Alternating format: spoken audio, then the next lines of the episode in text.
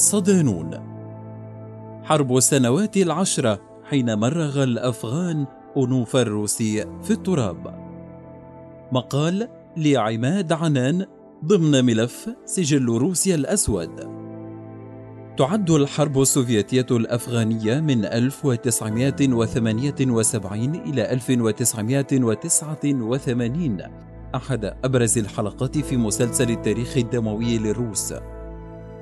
فرغم ما حققه الاتحاد السوفيتي من نجاحات بداية الأمر حين تدخل عسكريا لدعم الحكومة الموالية له في مواجهة المعارضة التي كانت تواجهها والمدعومة من الدول المناوئة للاتحاد في هذا الوقت مثل أمريكا، السعودية، باكستان والصين. منيت روسيا بهزيمة نكرة نهاية الأمر ما مثل عاملا رئيسيا في انهيار التكتل فيما بعد. الحرب التي دامت قرابة عشر سنوات كاملة سقط فيها عشرات آلاف القتلى فيما تم تشريد الملايين من الأفغان. ففي اليوم الأول فقط من الانقلاب الذي قام به محمد غلاب عام 1978 قتل الروس أكثر من 15 ألف مسلم بما قتل الحاكم محمد داوود وأبناؤه التسعة والعشرين وبقية أفراد أسرته. وما إن تمكن الحزب الشيوعي المدعوم من السوفييت حزب الشعب الديمقراطي من بسط هيمنته على المشهد الأفغاني حتى عاث في الأرض فسادا مستهدفا الإسلاميين بصورة غير مسبوقة. وبات التهجير والتنكيل والتعذيب الاستراتيجية الأبرز في التعامل مع كل ما يمت للإسلام بصلة. لم يستسلم مسلمو الأفغان للاحتلال السوفيتي لبلادهم وعلى مدار سنوات طويلة خاض المجاهدون معارك ضارية ضد القوات الروسية. أسفرت في نهاية الأمر عن تمريغ أنفهم في التراب الأفغاني حتى اضطروا للخروج تاركين وراءهم إرثا من العداء الإيديولوجي والتاريخي فضلا عن الخسائر البشرية والمادية التي تكبدوها وهي ما تم توثيقها بشهادة الجنود الروس المشاركين في تلك الحرب.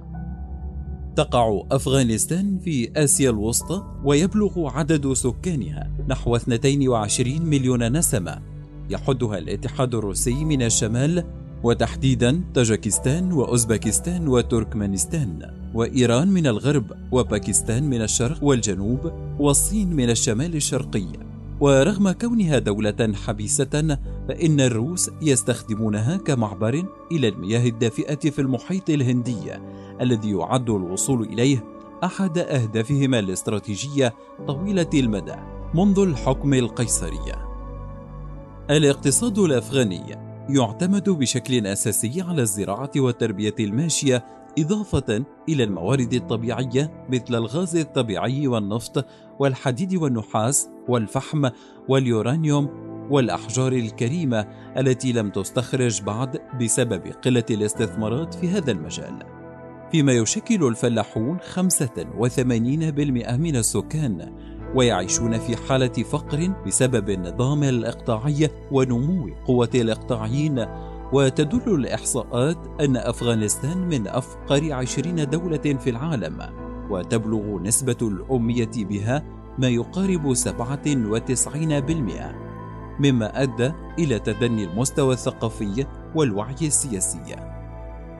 خلفية تاريخية رغم توثيق معظم المؤرخين لبدء الحرب السوفيتية الأفغانية عام 1978 فإن الشواهد التاريخية تشير إلى أن التدخل السوفيتي يعود إلى عام 1973 عندما غزا الروس بجيوشهم الأراضي الأفغانية واقتطعوا منها خيفة ومارو وبخارى وتشقند وسمرقند وقزوين على الحدود. وبسبب الوثائق التاريخية فإن الروس ما كان لهم أن يتوقفوا عن غزوهم إلا لخوفهم من رد فعل بريطانيا العظمى التي كانت موجودة في هذا الوقت في كابول من أجل تهدئة الأوضاع الاجتماعية والسياسية لجزء حيوي من طريقهم إلى شبه القارة الهندية التي كانت ضمن إمبراطوريتهم. كعادتهم حين يغزون أي بلد كان يتظاهر الروس بمساعدة أفغانستان للحصول على استقلالها عن بريطانيا حيث قدمت المساعدات العسكرية في أثناء الحروب الثلاثة بين بريطانيا وأفغانستان. وفي عام 1878 وقعت أول معاهدة عسكرية بين الأمير شير علي خان حاكم أفغانستان ورئيس البعثة الروسية. وقد تضمنت تعهدا بمساعدة الأمير في الحرب ضد الإنجليز عن طريق إمداده بالأسلحة. وتميزت الفترة من 1901 إلى 1919 بالتوازن في العلاقات بين البلدين وذلك حين تولى الأمير حبيب الله خان حكم أفغانستان بأعقاب حكم عبد الرحمن خان بين 1880 و 1901 إلا أن نموا كبيرا شهدته تلك العلاقات بعد تولي الحكم. أمان الله خان الذي تولى مقاليد الأمور عقب اغتيال والدته حبيب الله عام 1919 كان أمان الله يرى في تحرر بلاده ضرورة قومية تتطلب إعادة النظر في تحالفاته الخارجية فما كان منه إلا أن وطد علاقته بالاتحاد السوفيتي الذي أمده بالمساعدات العسكرية مما حقق له الانتصار على بريطانيا وتحرير أفغانستان. وتوقيع معاهدة سلام حصلت أفغانستان بموجبها على الاستقلال والاعتراف بها دولة مستقلة لتدخل العلاقات بين البلدين مرحلة جديدة من القوة. في الثامن والعشرين من فبراير 1921 أبرم البلدان معاهدة صداقة وعدم اعتداء لمدة 25 عاماً. وفي السابع من نوفمبر 1926 وقعا كذلك معاهدة الحياد وعدم الاعتداء وقد عززت هذه المعاهدات بالكثير من الاتفاقيات الجانبية لمساعدة أفغانستان في العديد من المجالات.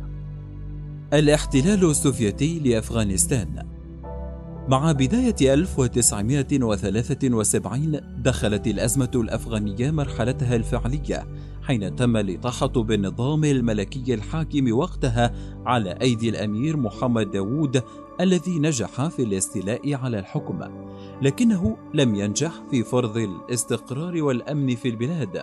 ما نجم عنه تزايد موجة التوترات والتمرد ضد حكمه. وفي 1978 أعلن حزب الشعب الديمقراطي الانقلاب عليه ليستولي على الحكم بقيادة محمد غلاب المدعوم من الاتحاد السوفيتي. وأعلن الحزب في بيان إذاعي أن السلطة أصبحت بأيدي المجلس الثوري للقوات المسلحة.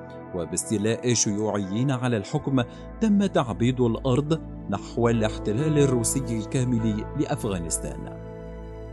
وفي الوقت الذي لم تستغرق فيه عملية التدخل العسكري السوفيتي في أفغانستان أكثر من ثلاث ساعات يوم السابع والعشرين من ديسمبر 1979 إلا أن الكثير من الشواهد والدراسات أكدت أن تلك العملية مرت على ثلاثة مراحل متعاقبة وربما تتداخل مع بعضها البعض. تتقدمها مرحلة الاختراق السوفيتي لأفغانستان.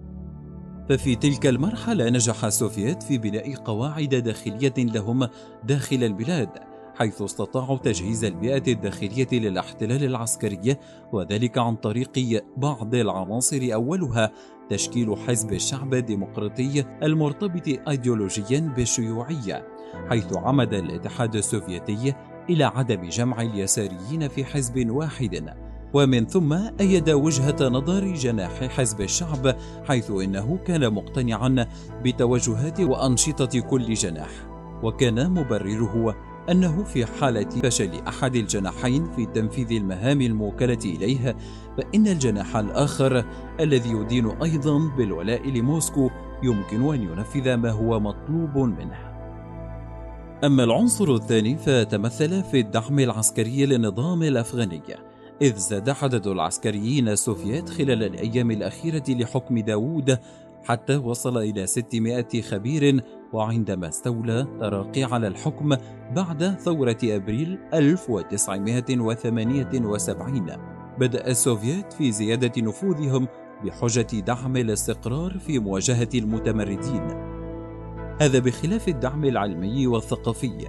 فغالبا ما يكون تشويه الثقافة القومية للدولة وإبعاد الشعب تدريجيا عنها. هي السياسة التي يؤيدها الاستعمار بهدف اختراق الدولة المطلوب احتلالها وكانت هذه الممارسات من الاتحاد السوفيتي من خلال ثقافة ماركسية مفروضة على المواطنين الأفغان. مع السيطرة على الميول الفكرية والفنية والتربوية بإرسال مؤلفات ماركسية علاوة على مفكرين وكتاب أفغان يدينون للثقافة الماركسية بالولاء حتى يسهل إقناع الشعب الأفغاني بالفكر الجديد. وأخيرا جاء الدعم الاقتصادي.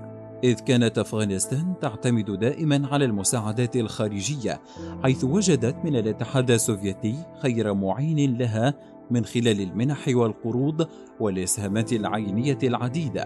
لذا أصبحت هذه المساعدات تستعمل كمعبر للنفوذ السوفيتي إلى المجتمع الأفغاني.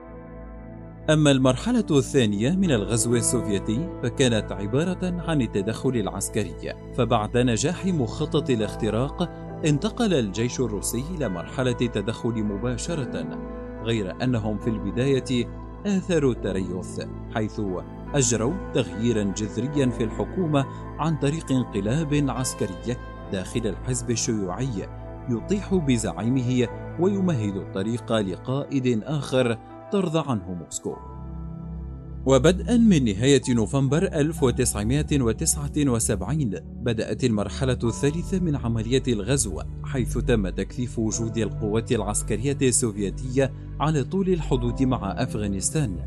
وقبل 15 يوما من الاجتياح العام لكابول وصلت إلى قاعدة باغرام الجوية القريبة من كابول نحو ثلاث فرق من الجيش السوفيتي. وفي يوم الخامس والعشرين من ديسمبر من العام نفسه كان هناك جسر جوي قام بنحو 350 طلعة طيران خلال 48 ساعة قبل الغزو. وقد تم نقل ما يقرب عن ستة ألاف جندي سوفيتي بمعداتهم وأسلحتهم بحجة أن هذه القوات جاءت بناء على طلب حفيظ الله أمين من أجل إنهاء عمليات السلم ضد المجاهدين. ونقلت هذه القوات من تشقند كما قسمت إلى خمس مجموعات تحت القيادة المباشرة للجنرال أفانوف. وعلى مدار عشر سنوات كاملة مارس فيها الجيش الروسي منذ اقتحامه البلاد كل أنواع التنكيل والتعذيب والقتل.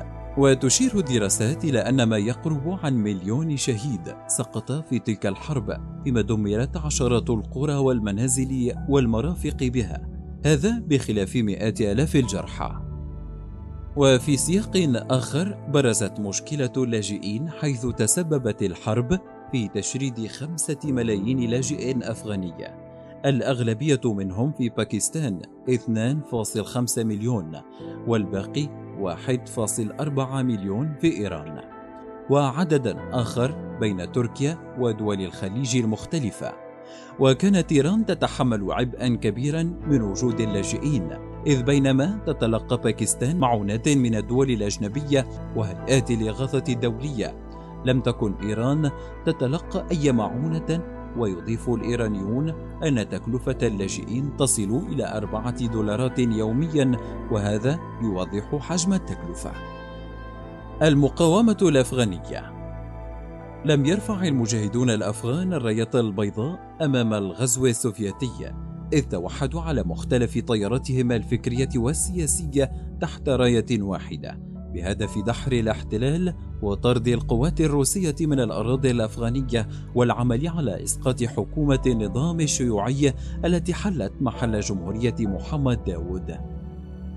خرجت النبتة الأولى للمقاومة من مدينة نورستان المعروفة باستقلالها الوطني ثم انتشرت بعدها إلى منطقتي هزرجات وتاجيك شمالي هندوكاش. وبعدها إقليم حيرات على حدود إيران ورغم عدم وجود قيادة حقيقية لتلك المقاومة فإنها كانت تجمع على هدف رئيسي وهو القضاء على الشيوعية بذيولها كافة. وبعد سنوات من الجهاد تمكنت المقاومة من السيطرة على معظم الأقاليم الأفغانية بينما تسيطر قوة الحكومة الأفغانية بمعاونة الجنود السوفيات على المدن والطرق الرئيسية في السهول الشمالية الغربية. وفي المنطقة شبه الصحراوية في الجنوب الغربي إضافة إلى سلسلة من المواقع الاستراتيجية على طول الحدود الباكستانية. تميزت المقاومة بالاعتماد على الكفاح المسلح فقط دون أي اعتبارات سياسية أسوة بحركات التحرير المختلفة في آسيا وإفريقيا وأمريكا اللاتينية. وهو ما أثار الرعب في نفوس الروس في هذا الوقت خاصة أن محاولاتهم للجلوس على مائدة المفاوضات مع رموز المقاومة باءت جميعها بالفشل. حظيت المقاومة الأفغانية على إعجاب الكثير من القوى والدول في الداخل والخارج وذلك لما أبدته من شجاعة في مواجهة الآلات العسكرية السوفيتية. بل إن أفغانستان تعد الدولة الوحيدة من بين سائر الدول التي اجتاحها الاتحاد السوفيتي التي رفضت الاعتراف بهذا الاحتلال. بل قاومته بقوة حتى خروج آخر جندي سوفيتي يوم الخامس عشر من فبراير 1989 تمريغ أنف الروس. فشلت الحكومة السوفيتية في إقناع الشارع الروسي بدوافع حربها مع الأفغان طيلة السنوات العشرة حيث بررت تدخلها بأنه واجب وطني يهدف إلى الدفاع عن الثورة الأفغانية في أبريل 1978 في مواجهة الإمبريالية الأمريكية والصينية والإقطاعيين الأفغان وهي المبررات التي سقطت مع عودة الدفعات الأولى من الجنود السوفيات لبلادهم مرة أخرى بعد مشاركتهم في الحرب. الأخبار المأساوية التي حملها الجنود العائدون عن حقيقة الأوضاع ومدى شراسة العمليات العسكرية أيقظت ضمائر بعض المثقفين ممن باتوا يتساءلون عن جدواها إضافة إلى وسائل الإعلام الغربية التي أسهمت في إحداث قلق داخل الرأي العام السوفيتي وأنه لا بد أن شيئا ما يحدث في أفغانستان لا علاقة له بما تردده وسائل الإعلام السوفيتية وأن قواته المسلحة ضالعة في هذا الجرم ضد شعب يدافع عن بلاده واستقلالها. وتشير التقارير إلى أن عدد الجنود الروس الذين خدموا في أفغانستان خلال الحرب يقدرون بنحو مليون ونصف مليون جندي. هذا العدد الكبير كان هو الآخر عاملا أساسيا للمعارضة في الاتحاد السوفيتي. فعند عودتهم إلى بلادهم وبدلا من أن يكونوا موضع شكر لإنجازهم الوطني كما كانوا يعتقدون فوجئوا بأنهم ضحية لعدم فهم المجتمع السوفيتي لمهمتهم التي ذهبوا من أجلها. ويذهب بعض الخبراء إلى أن التدخل العسكري في أفغانستان كان له أثر كبير ومباشر في انهيار الاتحاد السوفيتي حيث أصيب التماسك العسكري بشروخات كبيرة فالخسائر المادية مهما عظمت لن تتساوى مع مشاعر الظلم التي شعر بها المقاتل السوفيتي بل إنه يمكن التأكيد أن بعض المفاهيم الإيديولوجية لهذا المقاتل اهتزت. ليس لديه فقط بل لدى المجتمع المحيط به. وفي الوقت الذي يتفخر به الروس بتشريد نحو خمس ملايين لاجئ أفغاني فإن آخرين يرون أن الدولة بذلك زرعت الملايين من الألغام المضادة ضدها حين عودة هؤلاء إلى بلادهم في ظل تعميق حالة الاحتقان والكراهية للدولة السوفيتية. هذا مع الوضع في الاعتبار أن الخسائر في صفوف الروس لم تكن بالهينة. فعلاوة على الخسائر المادية في الأسلحة والمعدات التي تكبدها الجيش الروسي على مدار سنوات الحرب فإن الخسائر البشرية لا تقل جسامة فوفقا لتقديرات الخارجية السوفيتية هناك نحو 15 ألف جندي قتيل وستة وثلاثين ألف جريح وثلاثمائة وأحد عشر ألف مفقود وهو ما كان له أسوأ الأثر على الشارع السوفيتي. وكما تركت حرب فيتنام بصمة غائرة في المجتمع الأمريكي كانت الحرب الأفغانية حاضرة بقوة في الشارع السوفيتي ممثلا بأفراد القوات المسلحة العائدين الذين انقسموا إلى ثلاث فئات. الأولى الفئة المناضلة من أجل الإصلاحات الديمقراطية وركزت نشاطها على المؤسسات العسكرية التي ينتمون إليها حيث إنها المؤسسة الأكثر انضباطا وتشددا ومحافظة على النظام وكانت وسيلتهم المنشورات السرية والاجتماعية. أما الفئة الثانية فهي العنصرية المتطرفة التي يسيطر عليها فكرة بعث روسيا الكبرى وقد شكلوا مجموعات شبه عسكرية أو يمكن أن يطلق عليها عصابات ضاعفت من العنف في المدن الروسية فيما تمحورت الفئة الثالثة في القطاع الذي يعيش على هامش المجتمع من جراء إصابته بصدمة نفسية لرفضهم الطابع الخبيث للمجتمع السوفيتي. فما كان منهم إلا الوقوع تحت تأثير تعاطي المخدرات والكحوليات في محاولة منهم للهروب من الواقع. وفي المجمل نجح المجاهدون الأفغان في تلقين الجيش الروسي درسا قاسيا في فنون القتال دفاعا عن هوية واستقلال الوطن من براثن الاحتلال ورغم نجاح المقاومة في تحرير بلادها من الغزو الروسي لم ترفع موسكو يدها بعد عن البلاد. هذا بجانب قوى أخرى كان لها حضور قوي داخل أفغانستان على رأسها الولايات المتحدة بجانب حركة طالبان. ولعل هذا أحد الأسباب الرئيسية وراء اشتعال الوضع الداخلي. حتى الآن رغم مساعي التهدئة والوساطات الإقليمية والدولية.